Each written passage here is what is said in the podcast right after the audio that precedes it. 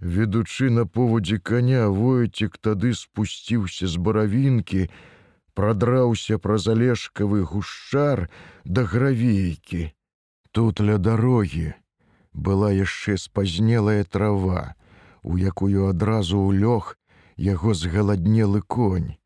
Там жа, на выспе под хвоямі не было нічога. Войцік спярша падтрымаў яго на повадзе, а пасля пусціў самапасам. Паначы між кустоўя нідзе не дзенецца, падумаў войцік, а сам закінуў за плячо вінтоўку і прыпёрся да камля адзінокай хвоі, што бліжэй за іншыя стаяла ля дарогі. Было сцюдзёна, з поля дзьмуў золкі настырны ветер, добра яшчэ без дажджу, а то б зусім дапякло на гэтым іх бязглуздым заданні. Коні дык зусім падбіліся за дарогу без ніводнай папаскі, а яны, яны згаладнелі не менш за коней, толькі пра іх каму клопат. Пра сябе яны павінны былі клапаціцца самі. Так заўжды было заведзена на заданнях. Па крайняй меры, самай вясны, як войцік прыйшоў у атрад. Але у такіх заданнях, ведаў ён, не ўсё абыходзіцца гладка і шмат што залежыць ад старшага, ад камандзіра. Цяпер камандзірам назначылі бурава. Што ж, войцік не пярэчыў, Бураў быў партызан з вопытам, зноў жа разведчык ён гойсаў па заданнях, можа болей за войціка, можа і пад кулямі быў часцей. Толькі ці разумнейшы ён, вось у чым справа. Калі браць па нядаўнім яшчэ даваенным жыцці, дык усё ж войцік, як інспектор райза, мусіць значыў, крышку больш, чым нейкі там шафёр райпоўскай палутаркі колька бураў. Але ён ужо ведаў, што цяпер у вайну не надта зважалі на ранейшы даваенны статус. Цяпер неяк не ў прыцям павылучаліся новыя. Хто іх да вайны калі і ведаў, як во камандзір падраўнікоў рыбчонак, што перад вайной, мабыць, толькі паспеў скончыць школу, ці пажарнік сліпчанка, цяперашні надштаба іхняга атрада. Пра войціка яны нібы забыліся, нібы яго і не было ў раёне. Не сядзеў ён у прэзідыумах, не круціўся па вёсках упаўнаважаным, не выступаў з допісамі ў газеце. Усё-ткі ён быў чалавек вядомы і нават складваў прамовы старшыні выканкама таварышу корбуту, які хоць і меў ордэн і быў кіраўнік хвацкі, але не ўмеў звязаць тры словы па-людску. Заўжды ў яго выходзіла не прамова, а нейкая слоўная каша. Ну, дома ў раёне, вядома, гэта было не бяда, тут да ягоных прамоў трасянак даўно прывыклі, але з часам трэба было выступіць і ў вобласці, на якой нарадзе перад начальствам. Вот тады старшыня выканкома і клікаў войціка да сябе ў кабінет, садзіў за стол насупраць, і войцік за два дні сачыняў яму любое выступленне на любую мудрагелістую тэму. Па сваім часе войцік лічыў сябе чалавекам адукаваным, усё ж скончыў сем класаў, а галоўнае меў зграбны каліграфічны почырк, якім ганарыўся ўсе тыя гады, што працаваў у раёне і асабліва калі яшчэ рабіў у сельсавеце. Ён і ў сельсавет трапіў менавіта праз гэты свой почарк. Неяк напярэдадні калектывізацыі абралі яго ў прэзідыум вясковага сходу і даручылі пісаць пратакол. Папера была так сабе, сшытак у клетачку, чарніла даволі вадзяністая, але ручку ён меў сваю, з літарамі кушто на бліскучай апраўцы, з выдатна распісаным пяром нумар 86. І там ужо ён пастараўся. Ён так акуратна з палямі, выкручастымі росчыркамі вялікіх літар напісаў пратакол, што старшыня сельсавета, падпісываючы яго ў канцы, выкаціў вочы, ну і майстар. Ды і астатнія члены прэзідыума здзіўлена паўзіраліся. Такога подчырку яны ніколі не бачылі. Старшыня сельсавета на яго, аднак не забыўся. І ў мае таго ж года ён ужо сядзеў у сельсавецкай хаце і пісаў. А калі таварыша корбута пасадзілі кіраваць раёнам, войцік таксама перайшоў выканком. Кадр ён быў ужо спрактыкаваны і даволі правераны. Тут жа ў атрадзе рабіць па ягонай спецыяльнасці, пэўна, не было чаго, ды ён зрэшты і не набіваўся на штось адметнае. Сказалі ўзяць вінтоўку і стаць у строй. Ён узяў вінтоўку і стаў у строй.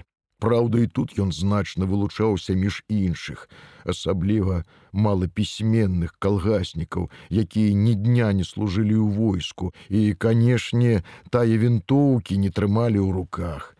А ўжо калі разабраць і сабраць затвор, Ён жа хоць таксама не служыў абавязковай, але добра вывучыў вінтоўку на занятках асавіяхіма, дзе нават страляў тры разы, як здаваў нормы на значок варашылаўскі стралок. Значок і цяпер у яго на грудях быў ордэн. Хоць можа яшчэ заслужыць і ордэн чырвонай зоркі, напрыклад, як у камандзіра, што ён дурнейшы за гэтага нахрапістага пяхотнага лейтэнанта. Можа, разумнейшы нават, бо старэйшы за яго аж на восем гадоў і ўсіх і ўсё тут ведае, А што радавы дагэтуль, дык гэта таму, што сціплы со словом не выскоквае, на Бога не бярэ, усё по-добраму паслухмяна і ціха. Вось хоць бы і з гэтым буравым.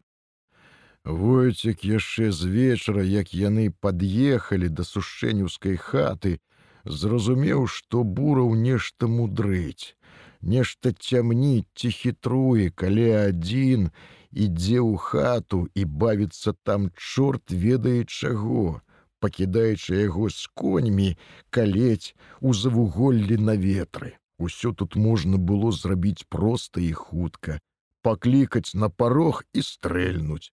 Сабаку сабачая смерць, чаго валаводзіцца.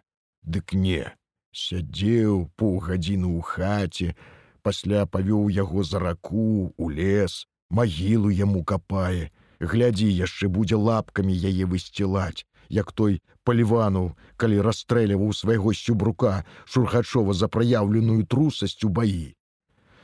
Абодва яны былі лейтэнанты з акружэнцаў, нядаўна прыйшлі ў атрад. І ў першым баі з кнігаўскім гарнізонам гэты шургачоў збаяўся ўцёк з-пад агню, падставіўшы там пад агонь увесь іх узвод узвод вядома выбіла напалавіну. Ну камандзіры і рашылі каб узводны сам выканаў прысуд які шургачову вынес атрад.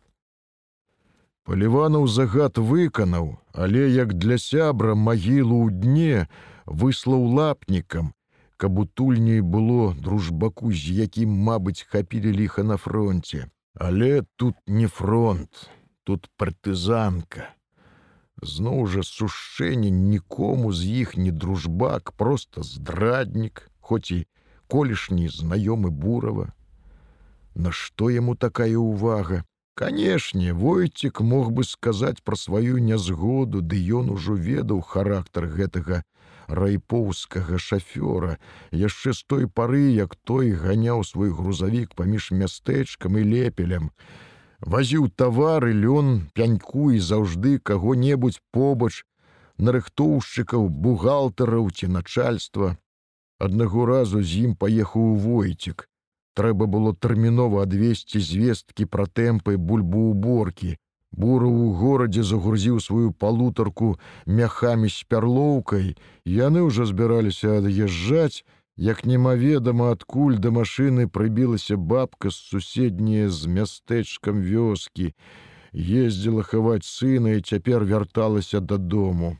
Войцік пагадзіўся падвесці, што ж ён, які злыдзень, не разумее, што і бабка чалавек хоць цёмная і старая, але не ісці ж ёй пехатой па гразі 40 кіламетраў. Ён яшчэ дапамог бабцы ўзлезці ў машыну і тая неяк уладкавалася там у куточку кузава ля мяшкоў і была страшэнна давольная яго дабрынёй гасціннасцю. Тым болей, што пачынаў ісці дождж і нідзе не было ніякай фурманкі але тут выскочыў з канторы запыханы з квіткамі ў руках бураў і калі войцік паказаў яму на бабку ў кузаве закрычаў як рэзаны злазь! Бабка вядома злезла а ён тады расчыняе дзверы кабіны дзе ўжо сядзеў войцік і крычыць на яго вылазь! Здурнеў ён ці што падумаў войцік ды вылез і той усадзіў на ягонае месца бабку Яны пасварыліся там бабка сядзела бы мыш, але не вылезла і войцік змушаны быў 40 вёрст трэсціся на дажджы і ветры ў дрогкім кузаве палутаркі і ніякую увагі на яго ўсё ж раённага маштаба пасаду на яго службовы аўтарытэт і ўсё тое на вачах у бабкі. Войцік тады прастудзіўся, вядома, пасля з паўгода абходзіў гэтага бурава стараной, вызнуў ці не радня, якая яму тая бабка. Аказалася не, не радня, нават не дужа знаёмая. Значыць, звычайная наравістасць, нахабнасць і хуліганства, іначай як назавеш той выбрак райпоўскага шафёра. А цяпер во гэты сушэння.